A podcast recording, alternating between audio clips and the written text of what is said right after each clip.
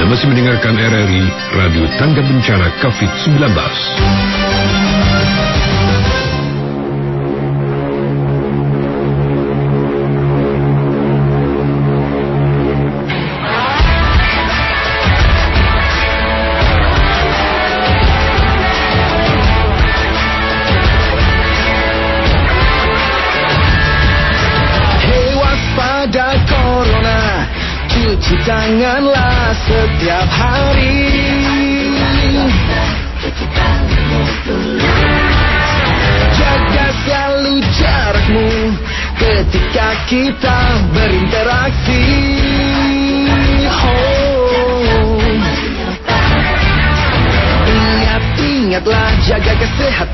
Jaga kebersihan Sementara jangan berjabat tangan. Demi kebaikan, keamanan kita bersama. Marilah bersatu padu Stop penyebaran virus corona. Tetap tenang, tidak panik Tingkatkan kewaspadaan. Marilah kita berjuang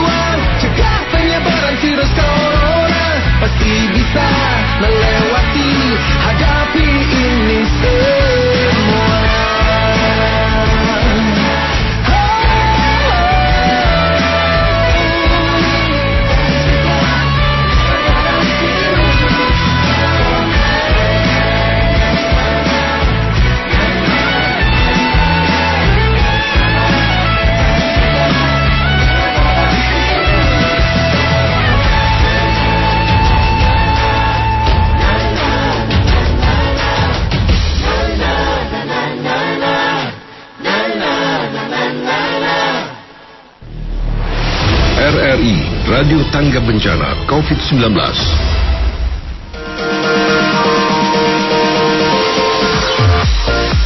Kelas Inspirasi menghadirkan narasumber profesional dan praktisi untuk mempersiapkan masa depan kamu. Inilah Kelas Inspirasi. Rencanakan masa depanmu di Kelas Inspirasi.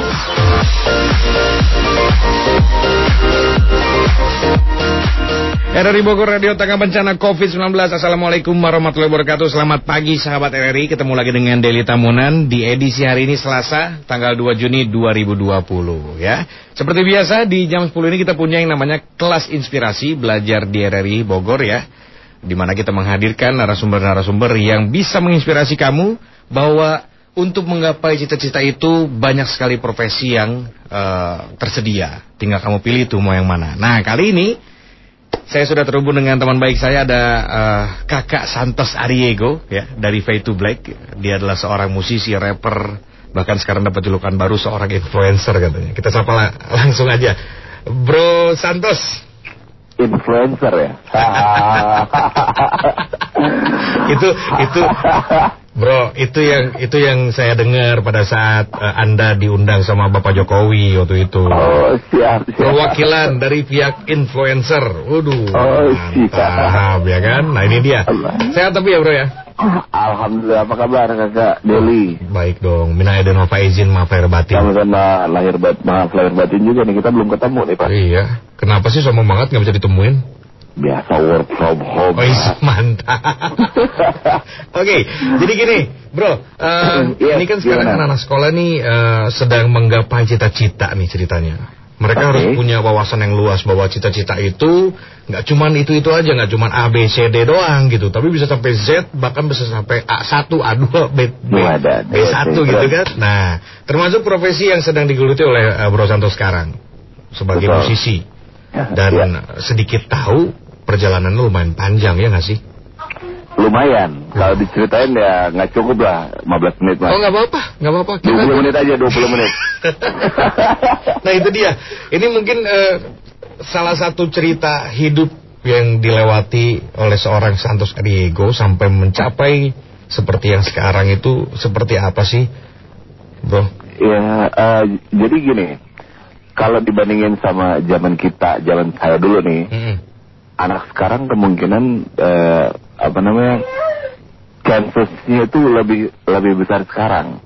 Oke. Kalau kita kalau kita kan dulu maksudnya kita dibesarkan dengan dengan apa namanya dengan doktrin eh, kamu kalau eh, sudah besar mau jadi apa? Mm-mm. Pasti terbatas tuh. Mm-mm. Pilot, dokter, tentara, Polisi. atau polisi ya hal-hal yang standar itu Iya. itu banyak banyak melekat di kepala-kepala angkatan kami gitu kan. Mm. Tapi kalau sekarang tiba-tiba ada seorang anak misalnya kita tanya, ntar bisa menjadi apa?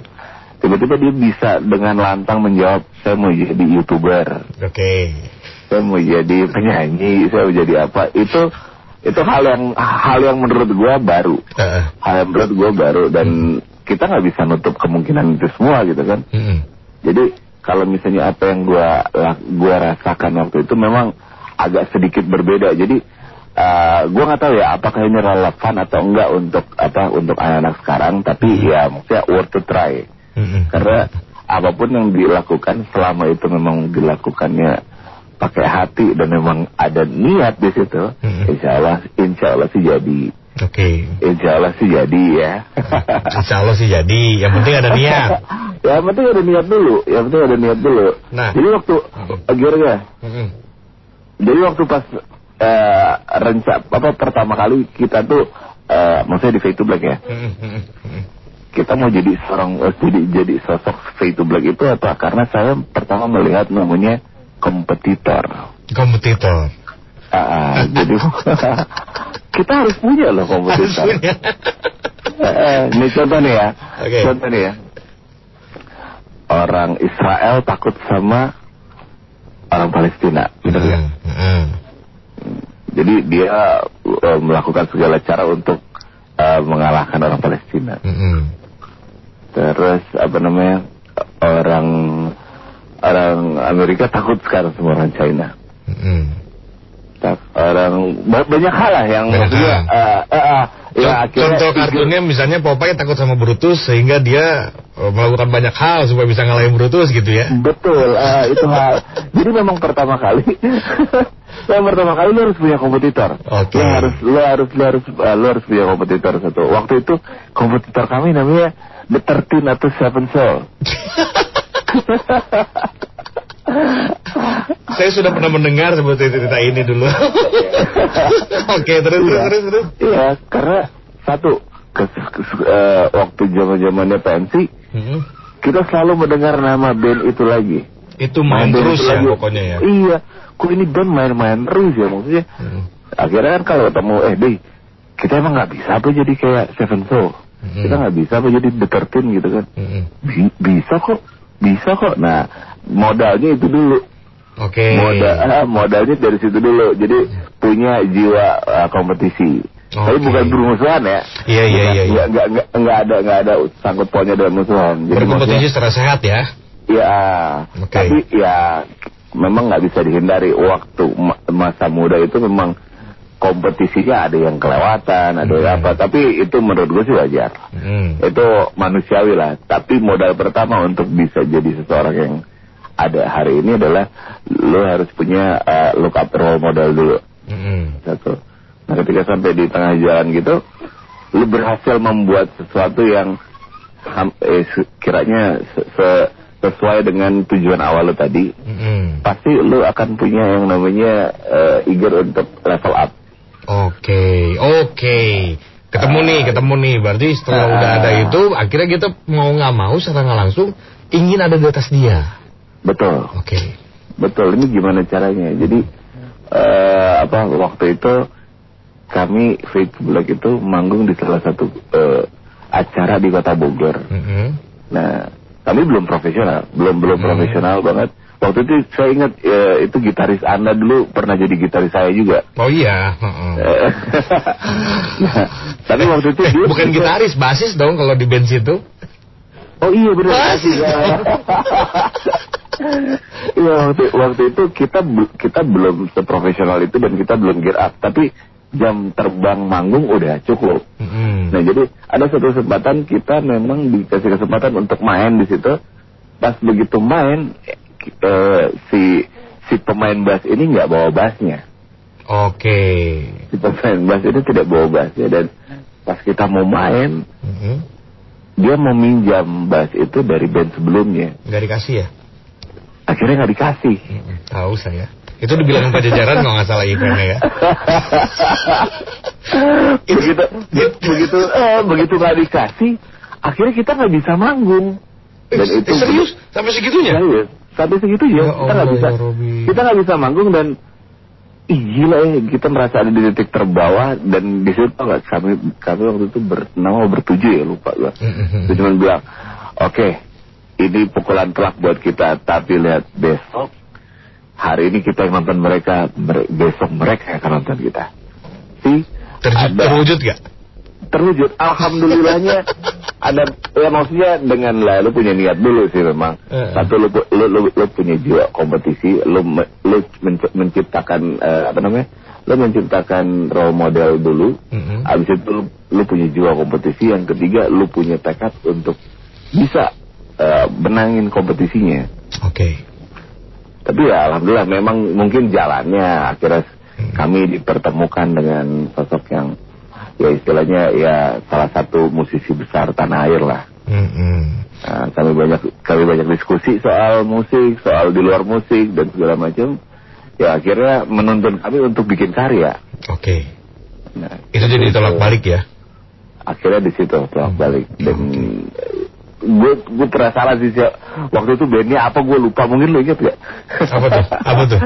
iya bandnya gue lupa yang waktu itu yang mereka bilang eh, nggak boleh ini ini alat yang apa gitu pokoknya alat pribadi dia yang nggak boleh dipegang sama orang lah. Mau disebutin di sini nih? gue lupa nama bandnya asli deh. Tapi gue yakin lo inget gue yakin lo inget Ingat, ingat, ingat itu teman-teman kita juga akhirnya sekarang. tapi tapi itu ya berarti eh, dalam arti itu menjadi salah satu eh, eh, hal pahit juga yang pernah dilewatin Ah, sama iyalah. sama Iyalah. kalian ya. pasti, Mm-mm. Pasti itu nggak nggak mungkin satu, satu- perjalanan tuh manis manis terus tuh nggak mungkin. Mhm. Lo harus be prepared untuk something worse, something bad, something ya, hal-hal yang hal-hal yang apa ya, yang di luar ekspektasi lo gitu kan. Mhm. Ya istilah kata kalau kita mau coba untuk memacari seorang perempuan, you do anything gitu kan mempersiapkan kata-kata indah. Mhm. Tahu aja pas bilang eh, mau nggak jadi pacar saya, dia bilang enggak. Selesai nggak tuh hidup? Ya, Step berikutnya adalah kita harus menjawab, oh ya udah, eh, nanti saya mau ngedeketin dia lagi yang lain A B C gitu. Jadi ada hal positif di apa di sebuah momen yang nggak baik gitu. Oke, ada hal positif hal ya. positif. Masih ada positif di semua semua apa momen yang negatif buat kita. Oke, itu dia ya. Nah, kalau misalnya bisa diceritain gini, eh, Ri, eh, i- eh, Bro Santos ini kan sekolah juga, kuliah juga, punya gelar juga. Apa sih akhirnya bikin udah deh, pokoknya pengen jadi musisi aja. Nah, ini kan satu hal yang berat loh buat nggak nggak semua orang bisa gitu loh menentukan sikap seperti ini. Apa sih akhirnya yang bikin udah mantap di sini deh gitu. Walaupun punya gelar, walaupun udah eh, menempuh ilmu sekian belas tahun, ya udahlah kita jadi Oke, musisi aja gitu. Jadi eh, musisi di era kami Hmm.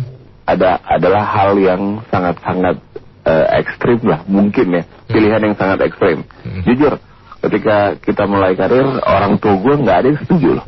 Berarti ini bisa diceritakan orang tua tidak mendukung saat itu ya? Iya, orang tua tidak mendukung karena mereka yang yang ada doktrinasi orang tua zaman dulu Mhm. adalah mm, anak band itu adalah pemabuk, Mhm. eh, ya pema- tukang main perempuan, pemabuk, hal-hal yang negatif cuma bisa leha-leha, tongkrong nongkrong nongkrong doang. Oke. Nggak nggak ada nggak ada nggak ada positifnya lah. Hmm. Ya positifnya cuma bisa buat lagu doang loh gitu. Intinya begitu kan. Iya pokoknya akhirnya wah gue untuk meyakinkan eh, apa namanya orang tua gue itu memang butuh empat album. Butuh empat album. Setelah empat album. Setelah empat album Setelah banyak mendapatkan AMI Awards dan award-award lainnya, ya Allah ribat Iya. album itu kan award udah banyak dong yang dipegang sama Iya, Black saat al- itu ya. Alhamdulillah, tapi memang butuh perjalanan segitu banyaknya Oh gitu God. kan untuk mem apa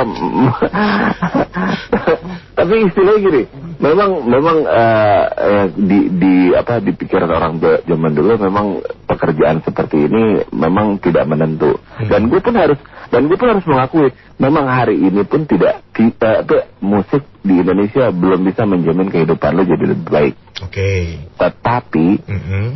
musik itu bisa menghidupi kehidupan kita Mhm. asal Oke. a- ada asalnya nih Hmm. asal kita bisa memanage si musiknya itu sendiri hasil dari musik yang apa hasil dari eh, yang kita dapat dari bermusik itu memang lu gak akan bisa berdiri sendiri tunggal Oke. lu harus lu harus mencoba menjadi seseorang yang berada di luar musik ataupun ya istilahnya apa ya lu jadi entrepreneur atau apa tapi hasil yang di- yang lu, lu apa yang lu kelola adalah hasil dari lu bermain musik Hmm. itu itu yang harus dimiliki oleh para musisi-musisi muda sekarang untuk bisa meyakinkan eh, ya minimal orang tuanya atau keluarganya Mhm. bahwa bermain musik itu adalah nggak selamanya negatif Oke. menurut gua menurut gua seperti itu dan waktu itu gua benar-benar decide decide untuk eh, jadi apa oke gua terjun di sini. Begitu gua dapat gelar eh, sarjana hukum waktu itu gua dapat sarjana hukum. Ini, ini gue inget gua sidang jam 10 pagi Mhm. gua selesai jam 11 siang.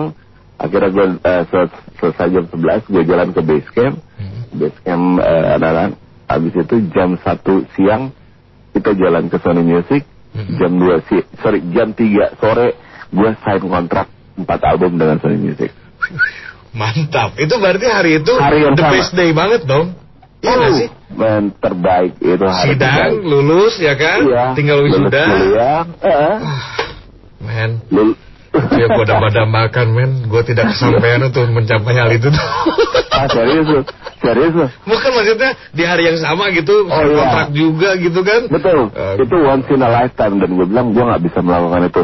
Dan di eh, nggak nggak nggak hari yang sama sih di beberapa hari yang berbeda kami mendapatkan endorse yang cukup banyak. Wah jadi gue bilang wah gila nih Allah baik banget ya sama kami ya. Oke. Tapi memang niatnya dulu sih, niatnya niatnya apa ya? Niatnya memang oke this is gonna be my life. Ini gue berjalan. Cuman saran dari saya adalah ketika dikontrak oleh sebuah perusahaan besar atau lu bekerja sama dengan seseorang, baca kontraknya baik-baik. Oh, ini jadi pelajaran nih. Saat itu main tanda tangan aja ya. Nah, iya jadi jangan sampai kalau ya Wih, gue kerja sama sama ini, ya, ada duitnya kelihatan doang duitnya berapa berapa gitu tanda tangan. Please baca yang baik. Jadi anak-anak sekarang nih gue nggak tahu ya, doyannya mungkin baca headline. Jadi Oke. headline-nya kontrak kerja musik atau kontrak musik apa kontrak kerja sama berapa tahun. Nah, tapi dia tidak membaca perihal ya, hal-hal yang ada di dalam situ Yang dan itu ya. Betul, itu bisa saja mengunci hidup lo Hmm. eh, di kehidupan yang nggak baik lah. Oke. Ini gitu. Jadi ya, hal-hal yang yang baik itu mungkin orang-orang yang bi- biasanya nih yang nggak sorry nih gue mau kasih informasi bahwa orang-orang yang punya perusahaan besar itu mereka pun mengalami hal-hal yang eh, istilahnya naik turunnya banyak Hmm. dan ketika mereka ada di posisi itu udah pasti pengalaman mereka lebih banyak dari kita. Betul. Itu dia Nah, ya. Jadi ya kalau misalnya misalnya itu ya nggak ada salahnya untuk rajin lebih rajin membaca aja sih. Iya, kita harus lebih cerdas juga ya. Pada saat terjun ke dunia profesional nantinya. Betul. Oke, Karena Bro. Oke, Tapi ya. untuk mencapai eh, titik tersebut, ini kita belum bicara ke titik Fade to Black eh, dan juga Bro Santos akhirnya mendapatkan award ya dijuluki sebagai eh, grup rap terbaik beberapa tahun segala macam gitu. Nah, untuk mencapai titik di mana akhirnya bisa mendapatkan apa yang selama ini dicita-citakan, minimal materi lah ya, minimal Oke. materi gitu ya. Itu kan perjalanannya banyak perihnya. Iya? Banget, sangat. Hal apa yang paling yang paling keinget sampai sekarang yang uh itu kalau inget itu perih banget deh gitu. Ya, itu semua sebenarnya makanya kan kami coba untuk berkarya dengan jujur. Hmm. Itu itu itu itu salah satu penyampaian kita ada di album pertama yang titlenya waktu itu membuat tentu eh, respect. Mm-mm. Jadi memang pertama selain kita punya niat, ya kita harus merespek perbedaan sama orang-orang lain. Nah Oke. di situ di situ eh, Bondan itu pernah memberikan statement yang cukup keras sama kami, Mm-mm. kami bertiga nih ya. Mm. Eh, dia bilang kalau misalnya eh, ada visualnya lebih enak sih dia, tapi lu bisa membayangkan aja deh ketika dia ngomong. Dia bilang, "Eh, guys, gue level gue ada di 10 nah gitu. Hmm. Ini ini gue perumpamakannya. Level kalian masih ada di tiga. Wow. tapi tapi setuju gak sih pas dia ngomong gitu? Iya, Setuju ya? gue sama sekali tidak tersinggung. Tapi mungkin kalau gue eh, tidak niat apa tidak niat saat itu mungkin penyampaiannya itu akan kita dapat eh, kita akan punya respon yang beda. Iya benar. Ah, jadi karena memang gue mau gue mau belajar. Nah pas di situ dia bilang nilai apa level gue di 10, level lo di 3. Gue tidak mungkin turun level, Mm-mm. lu yang harus naik level. Itu yang diminta sama I- dia. Iya, itu adalah tamparan yang sangat keras buat gue untuk, wah ini gimana caranya ya? Untung ya kami bertiga, kami soulmate. Jadi kami saling bertanya, kira-kira gimana ya? Kira-kira gimana? Oke? Jadi selain balik lagi, selain lu harus punya, lu harus menciptakan role model lo, Mm-mm. Ya kedua lu harus punya niat untuk apa namanya untuk berkompetisi. Lu lu harus conquer kompetisinya itu. Mm-mm. Lu harus pinter meng, apa me- mengatasi apa eh, menguasai situasinya. Hmm. Dan yang keempat ya itu lu harus punya teman yang satu jalan sama lu sejiwa lah. Hmm, satu Jiwa frekuensi ya. Ah, ah, minim- minimal lu bisa untuk eh, apa namanya tukar pikiran. Bisa untuk sharing sehingga punya Betul. banyak referensi ya. Betul. Ah, itu dia. Itu dia. Sebenarnya masih pengen eh, denger banyak cerita, tapi eh, nanti kita jeda dengan lagu lagu dulu ya, lagu Fade to Black deh diputerin ya.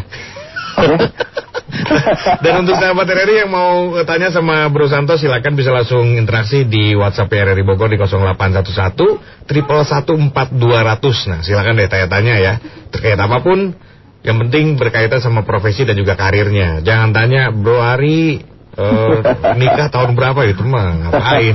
Bro Ari mantannya ada berapa kan itu mah, Alah, itu mah nanti saya aja yang tanya kapan-kapan. Oke, bro, abis ini kita bakal ngobrol lagi ya, ya. Oke, Oke. Untuk sahabat RRI jangan ke mana-mana, kita puterin dulu. Ini salah satu single yang eh, Lagu apa favorit, nih? favorit, my favorito, mi favorito. Ada favorito. eh, Fade to Black, saat hujan. Waduh. Waduh, ini nggak tahu kenapa ya. Lagu ini, ini, Bogor banget. Ini lagu, Bogor. lagu ini tuh entah meng- entah kenapa mengikat secara emosional di liriknya loh. The alunannya Iya. nggak tahu kenapa ya. Mungkin yang lain juga ngerasa yang sama. Nah untuk yang belum pernah denger atau mungkin pengen denger lagi, yuk kita dengerin sama-sama. Abis ini kita bakal ngobrol lagi sama Santos Ariego dari Fight to Black. Monggo, selamat menikmati.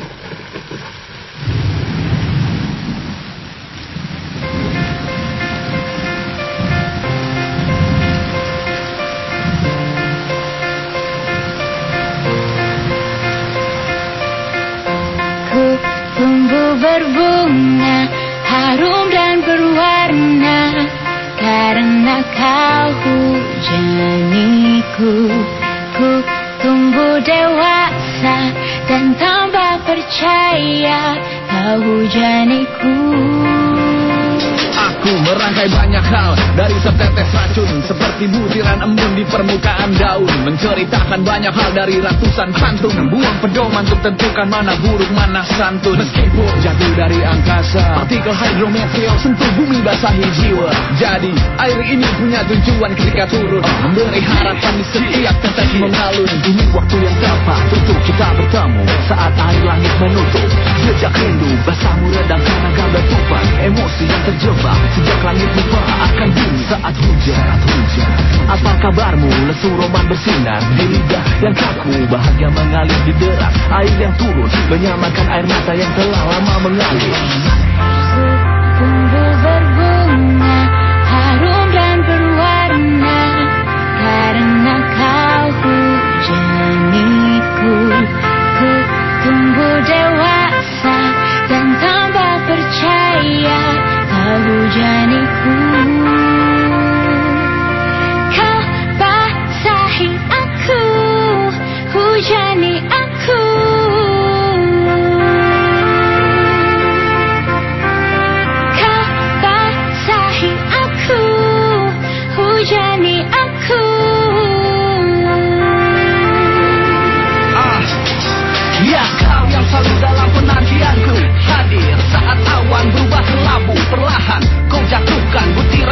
air Satu persatu. Ku biarkan dia mengalir. Saat hujan Apa kabarmu? Kau basuh tubuhku yang penuh peluk Alirkan airmu pada nadi yang keruh. Hingga ku jadi ah, sosok yang berani dan tangguh.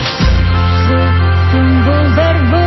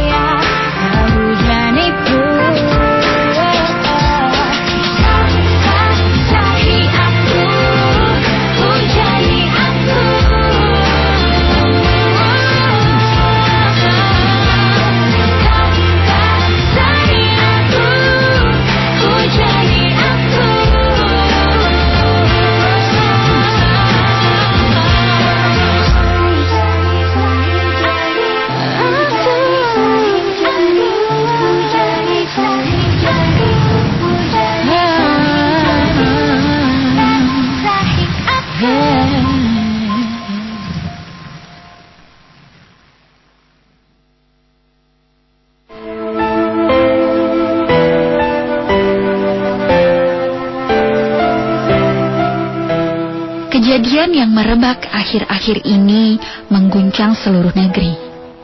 Membuat orang-orang takut akibat virus corona yang mematikan. Padahal bisa disikapi. Masuknya wabah corona baru ke Indonesia menjadi hikmah tersendiri. Yang sesungguhnya agar umat kembali pada ajaran hidup bersih. Allah suka dengan orang yang bersih dan membersihkan diri. Rasulullah Shallallahu Alaihi Wasallam bersabda, kebersihan sebagian dari iman.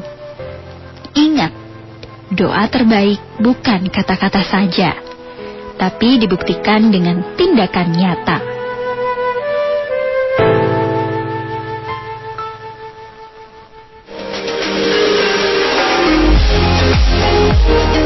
Anda masih mendengarkan kelas inspirasi. Rencanakan masa depanmu di kelas inspirasi.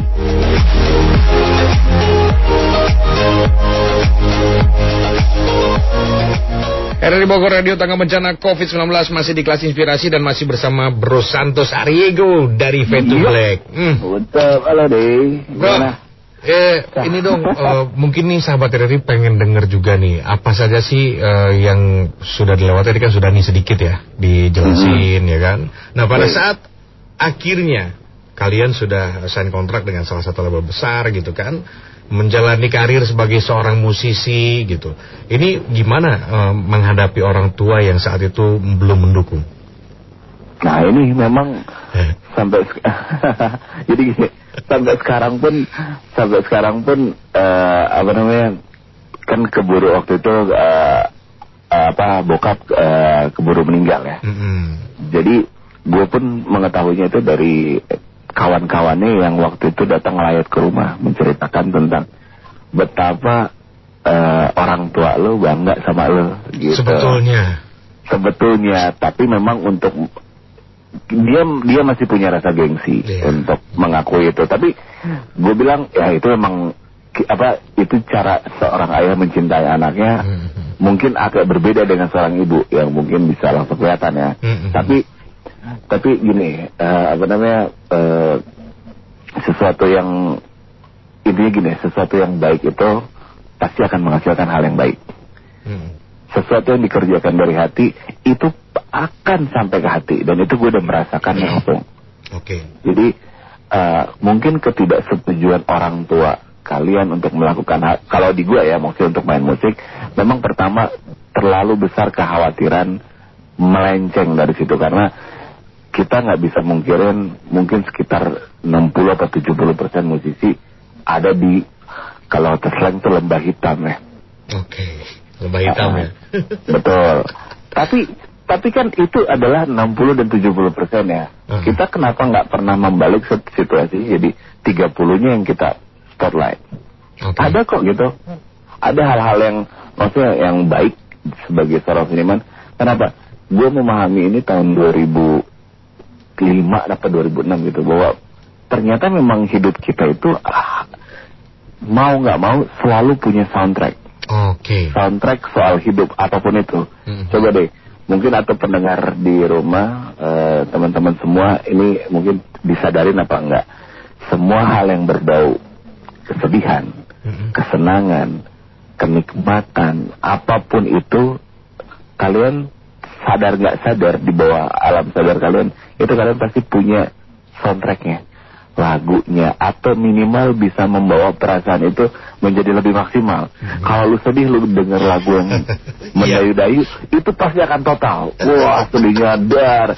Kalau lagi seneng lu, lu, lu akan mencari eh, apa irama atau beat atau apa yang lebih lebih mendorong lu untuk memaksimalkan eh, senengnya lu. Dan begitu seterusnya Mhm. sampai ya maksudnya hal-hal yang bersifat audio ini semuanya ada di mana-mana gitu tapi ya apa ya?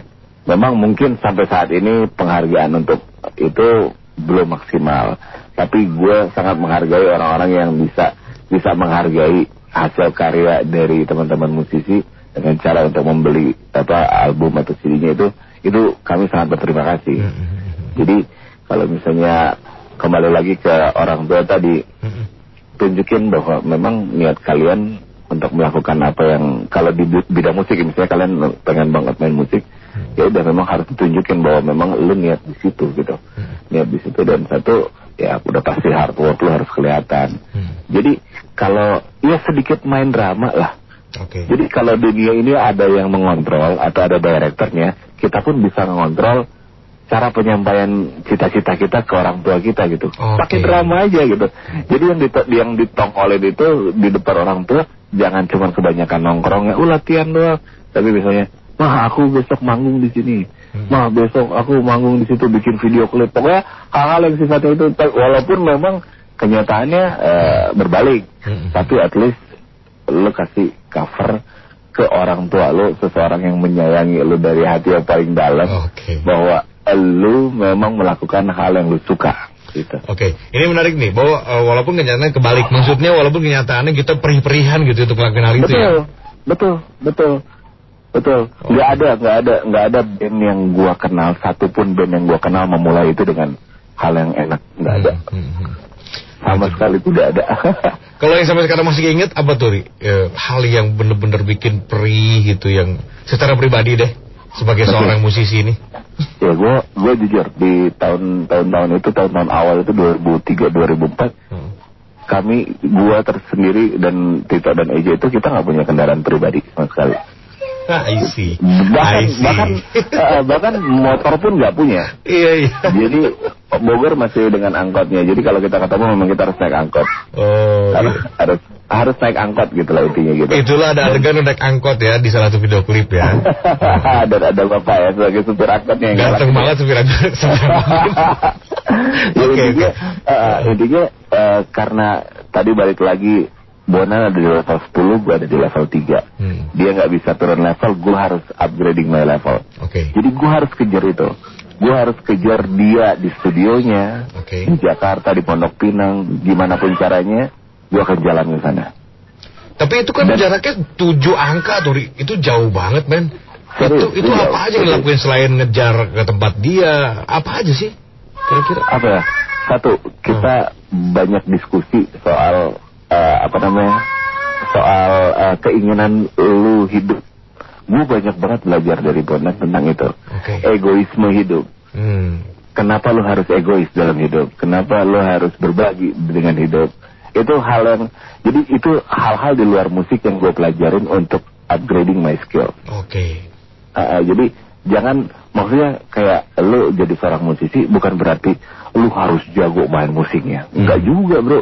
Hmm. Karena hal yang paling utama yang gue pelajarin dari industri ini adalah how the attitude is gonna be representing you. Hmm. Bagaimana attitude lu yang akan merepresentasikan lu dengan karya lu. Sebaik-baiknya karya, ya maksudnya saya nggak mau bilang eh, apa langsung pointing sama satu orang ya. Jadi maksudnya walaupun lu musisi besar, walaupun lu punya segalanya, tapi walaupun karya lu sangat istimewa, tapi ketika attitude lu nggak baik, lu ditinggalin orang Oke. hal itu yang yang penting kalau buat buat gue ya maksudnya mungkin ada point of view dari orang lain yang berbeda tapi buat gue sih oke lo harus upgrading your skill dalam bermusik tapi jangan lupa manners lu juga harus ikut naik Hmm. intinya itu Itu yang kadang dilupain ya. Dianggap sepele. Padahal itu Iya. menjadi poin terpenting juga dalam berkarir. Apa pun ya nggak cuma di musisi ya. betul Apa pun Betul. attitude itu is Ah. everything benar. Hmm. betul lu ingat gak Bondan tuh eh oh ya teman-teman Bondan tuh pernah nawarin Deli untuk jadi drummernya Bondan Black Tiga kali pak. Wah, itu dia. Coba waktu itu, karena gue tanya kan, Dan, lu kan punya teman, lu, lu musisi, lu musisi Indonesia nih, lu musisi besar. Nah, lu gak punya teman yang bisa main drum apa? Kenapa harus Deli? Ya, yang pertanyaan gitu kan. Dia cuma menjawab apa? Gua nggak penting skill. Kalau skill mah lu mau nyari kagak bakal beres orang. Tapi gue nyari attitude-nya. Udah gitu doang. Oh gitu ya. Itu Oh, ya. gue kira gue kira kalau main band tuh harus jago. Ya jago ya nanti juga. Lu kalau bermain sama misalnya ya band lu tiba-tiba lu main sama eh, siapa Bono U2 gitu, lu main sama Chris Martin, bohong kalau lu nggak jadi jago. Iya sih. Ya maksudnya hal-hal yang kayak gitu itu connecting lah. Connecting dan mungkin salah satu halnya seperti yang diceritain tadi ya mengejar tujuh angka itu akhirnya bisa karena akhirnya terbiasa karena ada Betul. komunikasi antar eh, teman-teman dengan Bondan gitu ya. Ya, ya akhirnya ilmu yang dia kasih ke kita, ya insya Allah kita terapin walaupun bukan hanya total di musik, tapi selain untuk menjalankan hidup itu ini loh maksudnya ya, works, it works. Itu dia sih. Nah ini kan eh, mudah-mudahan bisa menginspirasi. Mungkin ada beberapa dari teman-teman yang sudah mengejar cita-cita bahwa eh, terus mungkin dia diajak kerjasama dengan salah satu orang yang menurut dia sudah besar di bidang itu, tapi jadi minderan ya kan? Nah, Ya. jangan, tapi berusaha Nah, kejar betul. ke level yang eh, diinginkan, tapi tetap attitude dijaga. Itu kali poinnya mantep banget nih. Saya jadi Itulah, punya ilmu. mudah-mudahan. Saya jadi punya ilmu juga. Waduh, bapak bisa aja nih bapak nih. Rian ada udah, udah ada yang WhatsApp nih, Ri. Oke. Ada Enji. Ya. Assalamualaikum, Halo. selamat pagi, Bang Deli dan juga Bang Santos Ariego. Jujur aku udah dengerin kalian dari album Respect. Sampai sekarang kalian sudah tidak bersama Bondan pun aku tetap dengerin loh katanya. Aku Wow. pengen tanya dong, kira-kira kalau misalnya kalian ini tidak menjadi seorang musisi, itu dulu terinspirasi ingin jadi apa sih? Nah, berarti lu nih ditanya Ri. Kalau misalnya nggak jadi musisi, pengen jadi apa saat itu? Dengan gelar yang dipunyakah? Atau tetap mau ngejar karir yang lain? Eh, Alhamdulillah ya. Maksudnya eh, gue memang tukang ngayal, gue memang tukang ngayal, orangnya tukang ngayal. Mm-mm. Tapi kalau memang posisinya nggak ada profesi sebagai musisi di muka bumi ini, Mm. mungkin gue tetap akan menghayal jadi seorang musisi. Keke, keke ya. Eh, eh. iya, karena gue nggak tahu gue gue benar-benar sekolah adalah formalitas buat gue. Gue sekolah mencari teman, gue sekolah mencari apa? Gue sekolah untuk mencari eh, apa namanya koneksi. Oke. gue mencari teman-teman yang yang yang ya pokoknya gue berusaha untuk baik sama semua orang Hmm. karena gue yakin ke depan hidup kita pasti akan membutuhkan orang banyak Hmm. nah, tapi kalau disuruh egois lu mau jadi apa? Gue guys eh eh, gue harus kasih tahu. Hmm. pekerjaan terbaik di dunia adalah jadi seorang musisi. Pekerjaan terbaik di dunia menjadi seorang musisi. pekerjaan iya. Iya. sangat sangat sangat sangat enggak lu kasih tahu pekerjaan apa yang yang menurut lu enak gue bisa apa gue bisa argue itu dengan seribu dengan seribu argumen lebih banyak bahwa as a musician lu adalah eh, apa itu adalah pekerjaan yang lebih enak dari pekerjaan lu intinya itu Ya, Bapak, Jadi- bapak mungkin enak pak, bapak duitnya banyak, di endorse sana sini kan, manggung banyak. Tapi kan yang lain mungkin belum belum juga mencapai ke arah situ ya. bukan nah intinya gini intinya kan kalau kalau lu jadi musisi Heeh. lu menyuarakan sesuatu itu lu menyuarakan sesuatu itu dengan hati lu Oke, ke Apa arah sih- situnya ya, ah. ekspresi Apa sih- berarti. Mm. Betul. Apa sih yang lebih nikmat dari itu? Oke, lu punya uang banyak. Lu misalnya jadi direktur dari perusahaan transportasi, Hmm. duit lu ratusan juta gitu. Tapi lu tidak menjalankan hobi lu apa yang lu suka. Lu hanya menjalankan rutinitas lu. Tapi ketika lu lu has zero rupiah, Mm. tapi lu melakukan apa pun yang lu suka, gue yakin itu lebih nikmat rasanya. Hmm. Ya ini kalau kita hitung-hitungannya bukan ekonomi ya. Iya iya. Ah, tapi secara kenikmatan batin, gue yakin semua manusia di, di dunia ini apabila melakukan hal yang sesuai dengan hatinya, itu pasti mereka akan bahagia. Kayak gitu ya. Sesuai dengan hatinya. Tapi kalau Ya. untuk untuk mencari kesenangan secara ekonomi bagaimana tuh? Nah, ini lu harus memisahkan. Eh, Benar, lu ini, nah ini gue diajarin sama Bondan juga. Ketika lu harus switching, Heeh. lu harus switching di, apa eh, mindset lo bahwa gue bekerja atau gue eh, bermain apa gue gue mengidol apa gue apa ya gue bermain dengan eh, kesenangan gue gue bekerja atau gue bermain dengan kesenangan gue itu lo harus switch Oke. gue bermain dengan kesenangan gue ketika gue di dalam studio Oke. dalam studio we compose sesuatu kita nulis bareng-bareng gitu wah kita melakukan ini eh, benar-benar apa ya benar-benar eh, jadi kita deh pokoknya ini kita harus jadi kita Mm-mm. Saat yang kedua ketika lo akan naik panggung switch itu berubah lagi Hmm. tak lo bekerja Oke. gue bekerja so kalau gue bekerja berarti gue tidak boleh mengecewakan orang lain.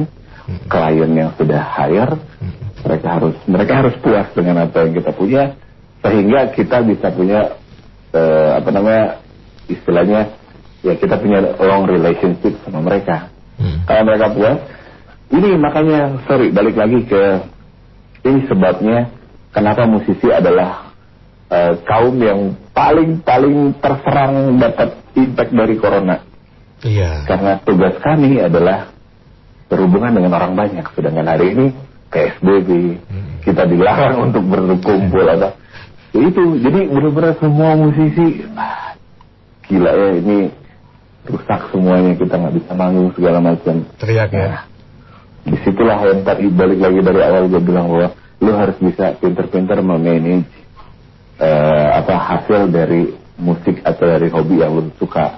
Hmm. Ketika lu punya uang dari hobi lu, create sesuatu, create sesuatu, create sesuatu. Nah alhamdulillah memang gue nggak terlalu banyak lah, maksudnya nggak terlalu banyak uangnya gitu, nggak kayak Raffi Ahmad lah. Loh tapi kan di lagunya jelas waktu itu tuh. Heran ragaku berbalut label mewah gitu. Iya, Cerminan gitu. seorang raja gitu kan. Ya cerminan, cerminan. Cerminan. Tapi ini, nah, tapi ketika orang orang lagi dalam ke- keadaan yang begitu yang nggak tahu harus ngapain, alhamdulillah gue masih bisa running sesuatu, Oke. running sesuatu walaupun memang tidak menghasilkan banyak, at least menghasilkan. You have to die trying. lebih baik lu dapat lima ribu satu hari daripada lu dapat nol. Itu ya. Hmm. Iya, jadi gak mudah menyerah begitu ya. Ya, Oke. ya, itu fighting spiritnya memang ya, ya harus kayak orang-orang kayak Mas Deli itu memang fighting spiritnya gila.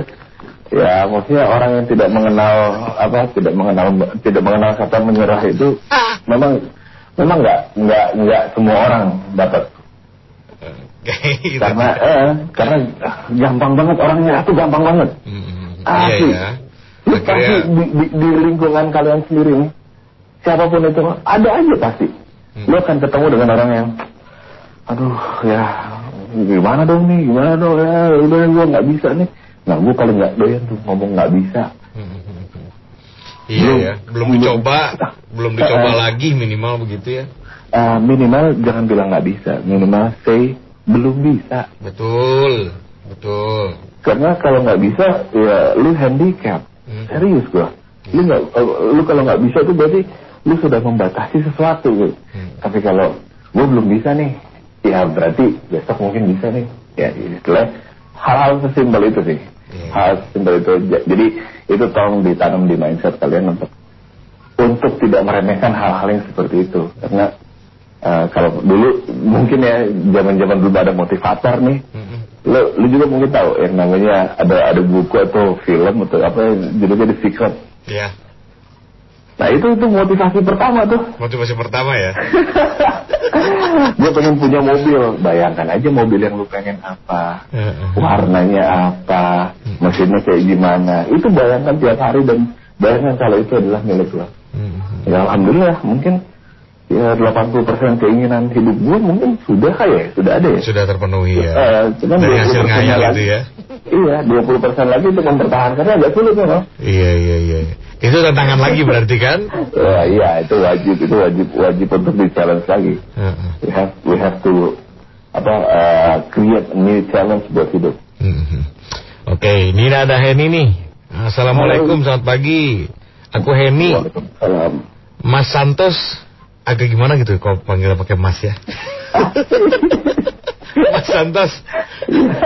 Gimana caranya biar cepat bangkit pada saat sudah terjatuh? Karena aku tahu untuk menjadi seorang musisi sekelas kalian itu pasti banyak banget merasakan jatuh bangun katanya. Oh, jadi apa sih kira-kira yang dilakuin pada saat jatuh biar cepat bangun lagi gitu? Rik? Nikmatin jatuhnya, rasain bener-bener rasa sakitnya, tapi setelah itu ya udah selesai. Jadi maksudnya kalau kalau kalau kamu punya punya pembawaan cengeng gitu, saya gampang nangis. Mm-mm. and then eh, dapat kesulitan ntar nangis sekenceng-kenceng lu nangis se- seada-adanya kalau perlu nangis darah nangis darah ada Ngeri amat. ya tapi lu batasin maksudnya hari Oke. itu gua akan sedih Habisin pokoknya ya. habisin Oke. setelah itu setelah maksudnya emosi emosi kekecewaan lo keluar semua Hmm. nah itu intinya emosi lu yang yang lu gak terima hal itu atau lu jatuh itu itu benar harus dikeluarin. Hmm. kalau enggak dia akan nempel terus. Jadi nangis nangis nangis nangis. Wah mau teriak apa kayak lakukan apa aja gitu. Hmm. Nah, yang penting itu semua keluar and then besok oke my new start my new beginning. Memang gampang ngomongnya. Hmm. ngelakuinnya memang nggak nggak semudah itu tapi itu yang saya lakukan. Gitu maksudnya ya ketika memang ketika mimpimu yang begitu indah tak pernah terwujud ya udah Oke. Itu ya. Jadi nikmatin jatuhnya sehingga kita bisa belajar dari apa yang sudah Ya. kita rasakan itu ya. Tapi tetap jatuhnya komitmen bahwa ini nggak boleh lama-lama gitu ya. Selesaikan Sangat, gitu. ya setuju Gitu. Ini ya. Jadi mudah-mudahan udah terjawab jawabannya. Ini kok ngundang satu Ariego yang WA cewek semua. Walah bisa aja nih ada, ada apa sih? Nah ini nih, ada satu lagi mana ya? Bentar, mana? Tadi mana ya? Karena yang lain beberapa pertanyaannya sama sih. Jadi nanti itu Oh, yang gitu. sama kita eh, kita recap aja. repetisi repetisi Eh, eh. Ah, ada Nita. Selamat Halo, Nita. pagi, aku Nita. Apa kabar? Bang Deli Tambunan, apa kabar? Bang Santos, gimana? Katanya sekarang udah rekaman album keberapa nih? Katanya gitu. Terus aku mau tanya dong, sebelum ke pertanyaan inti aku mau tanya dulu, Bang Santos kenapa sekarang jadi botak pelontos ya? Katanya. Nanti Oh, dijawab. iya. Oke. Pertanyaan asli aku, kira-kira kalau misalnya Bang Santo sekarang disuruh untuk membina anak-anak untuk menjadi musisi, apa yang bakal ditanamkan ke mereka? Oke. Oke. Itu Ri. Jadi per- pertanyaan yang sebelum pertanyaan ini ya kenapa Bang Santo? Jadi eh, botak lontos. Botak lontos. Kenapa? Satu, semua manusia akan botak pada waktunya. Akan foto pada waktunya ya. Bahkan ada yang belum waktunya loh, Ri. iya, makanya. Jadi ya, eh, itu waktu jadi ya berarti. Ini Ya, berarti salah satu siasat ya. Eh, itu salah satu siasat karena mungkin apa namanya hormon-hormonnya sudah mulai sudah mulai kurang kuat untuk menahan akar-akar. Oke. Oke, jadi kalau kalau balik lagi ke siasat, siasat untuk apa yang harus gue tanamkan ke teman-teman yang ini? Kalau Jadi, misalnya lo dipercaya Ya. eh, menjadi Ah. seorang pembina anak-anak supaya jadi musisi gitu. eh, kalau kalau kita mungkin nyebutnya produser. Mm-mm. Mm-mm. Nah, sebagai produser, yang pertama kan gue bilang, lu harus bermain musik dengan jujur. Mm-mm. Klise, tapi itu penting, Pak. Jujur, lu main musik dengan jujur, lu menulis lirik dengan jujur. Jadi, jadi, jadi pernah, eh, maksudnya eh, saya, Tito, sama Eja ini, sama Sofi, kita punya, kita punya rumus yang sampai hari ini masih kita pakai untuk teknik penulisan lirik. Gampang banget loh. Jadi apa yang pernah lo lakukan di masa lalu, apa yang sedang kalian lakukan hari ini, apa yang akan kalian lakukan di masa depan, alias mimpi, itu yang akan jadi rumusnya. Tiga hal itu, past tense, present, sama future tense. Oke, itu ya, tiga rumus itu ya. Cuman itu, iya. Cuman untuk future kalau bisa jangan terlalu banyak. Persentasenya 20% aja. Hmm. Past tense-nya, past tense-nya pengalaman hidup lu itu lu tulis kalau bisa setelah lu tulis eh, pakai gaya lu cara menulisnya. Semua orang itu kan punya gaya tulis masing-masing. Beda-beda. Mm-mm. Ah, ketika gaya gaya menulis lu keluar Mm-mm. itu akan representing you gitu kan. Kalau bisa memang memang satu memang lu harus banyak baca. Mm-mm. Lu harus dengar banyak orang untuk referensi. Tapi ketika lu mengeluarkan sesuatu jangan coba jadi orang lain atau jangan coba jadi Khalil Gibran. Hmm. Jangan coba jadi Ahmad Dhani gitu. Jangan jangan, jangan jadi itu. Lu boleh dengerin mereka banyak-banyak, lu boleh tahu semua semua ilmu yang mereka punya. Tapi ketika lu menulis sesuatu, jangan banyak-banyak aja. Lu tulis empat bar aja lirik. Mm. Tapi lu jangan menjadi orang yang seperti yang lu contoh. Oke, jadi diri sendiri berarti ya. Ya udah jadi jadi jadi diri lu sendiri aja. Jadi ketika lu melakukan itu, orang-orang misalnya nih ya, misalnya lu berhasil menulis lagu itu, Mm-mm. orang-orang tidak akan lagi akan menciptakan kayak misalnya gue dengar lagunya sekarang tuh gue dengar lagunya eh, siapa nih yang yang paling oke pamungkas pamungkas Pemungkas, oke. nggak akan ada lagi orang yang bilang pamungkas anjing musiknya kayak kaos Mm-mm. pamungkas adalah pamungkas Iya.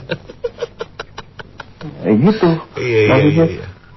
referensi boleh referensi boleh Mm-mm. tapi kalau misalnya "Ih, ini mah musiknya sih eh, jadi kayak ada judgement gitu ya Hmm. kalau bisa sih itu apa ya ya itu memang bagian dari teknik untuk kita bisa diterima dari di banyak segmen Mm-mm. Nah, tapi pola penulisan cara notasi kalian bernyanyi kalau bisa memang create your own Create your own.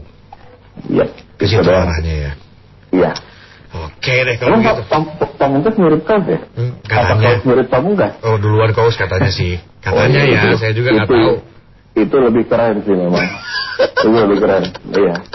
Jadi ketika ketika Pamungkas keluar dan dia booming happening, gue nggak kaget bro. Gak kaget ya. Agak, agak familiar ya musiknya ya. Ah, karena gue tahu gue punya teman-teman yang punya musik seperti ini, memang dia keluar sebelum waktunya. Oke. Iya. Berarti apa? Visioner dong. Visioner, uh, time Iya. traveler karena itu kayaknya beda satu itu tuh. itu tuh ya at least at least you try dan itu ternyata fung- berfungsinya berapa tahun kemudian nih 2006 ya punya 2008 ya Iya. hmm. 12 tahun kemudian 12 tahun kemudian ya, jauh banget ya. itu itu sama kayak itu sama kayak kita nulis lagu eh, tak terkalahkan kalau pernah denger Iya, iya, iya.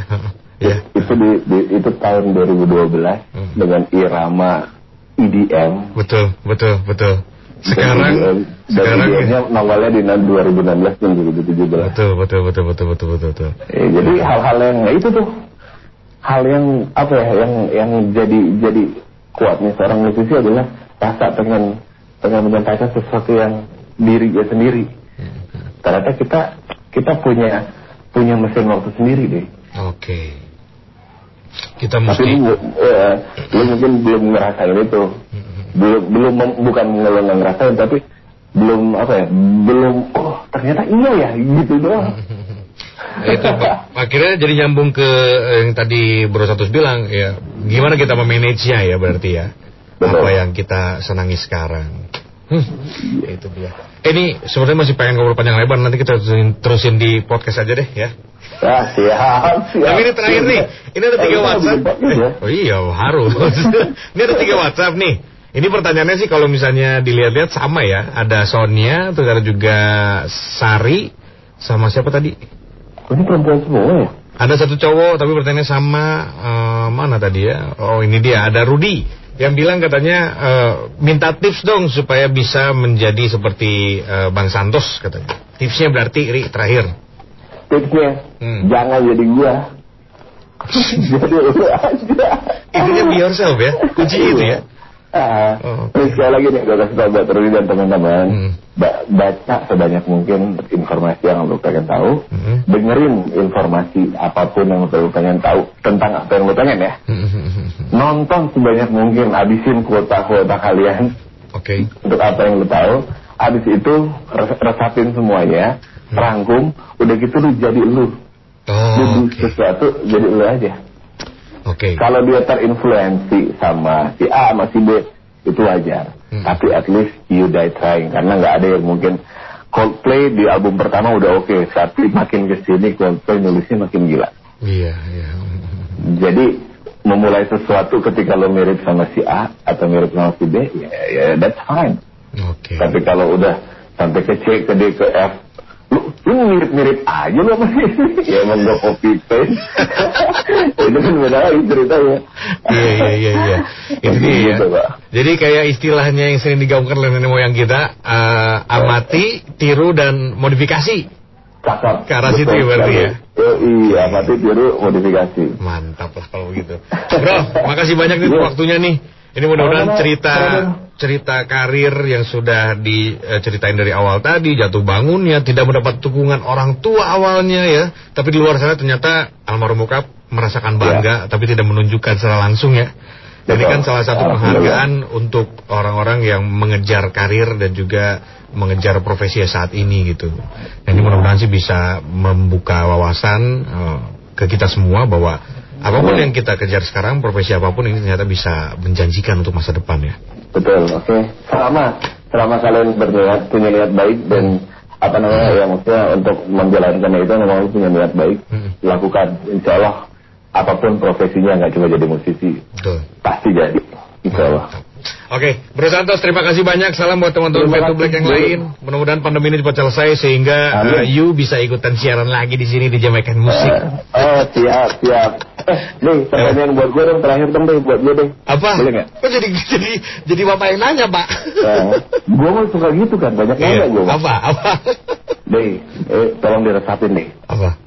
Ini pandemic Heeh. atau ini pandemic? Iya. Teori konspirasi. Oke, Santos terima kasih banyak. Salam buat keluarga juga ya. Oke. Assalamualaikum. Waalaikumsalam. Itu dia sahabat RRI ya. Cerita dari eh, satu Ariego dari to Black. Mudah-mudahan bisa menginspirasi kita semua Bahwa profesi yang sedang dijalankan sekarang Di mana dengan Tadi sudah dikatakan Sudah dinyatakan 80% hasilnya sudah dinikmati. 20% tinggal mempertahankan. Ini mengalami jatuh bangun yang luar biasa. Jadi untuk sahabat RRI yang mendengarkan Yang sedang mengejar cita-cita profesi apa pun Semoga bisa eh, tetap kuat dalam mengejar segalanya. Ya sudah kalau begitu sampai di sini dulu kelas inspirasi RRI Bogor. Kita ketemu lagi di kelas inspirasi edisi selanjutnya. Besok juga masih ada ya sahabat RRI dengan rekan saya yang lain. Sekaligus saya tutup eh, dan kita akan bergabung dengan RRI 3 eh, Jakarta untuk mengikuti warta berita dinamika olahraga. Dili Tamunan pamit. Wassalamualaikum warahmatullahi wabarakatuh. Dadah. Demikian tadi kelas inspirasi. Rencanakan masa depan kamu di kelas inspirasi.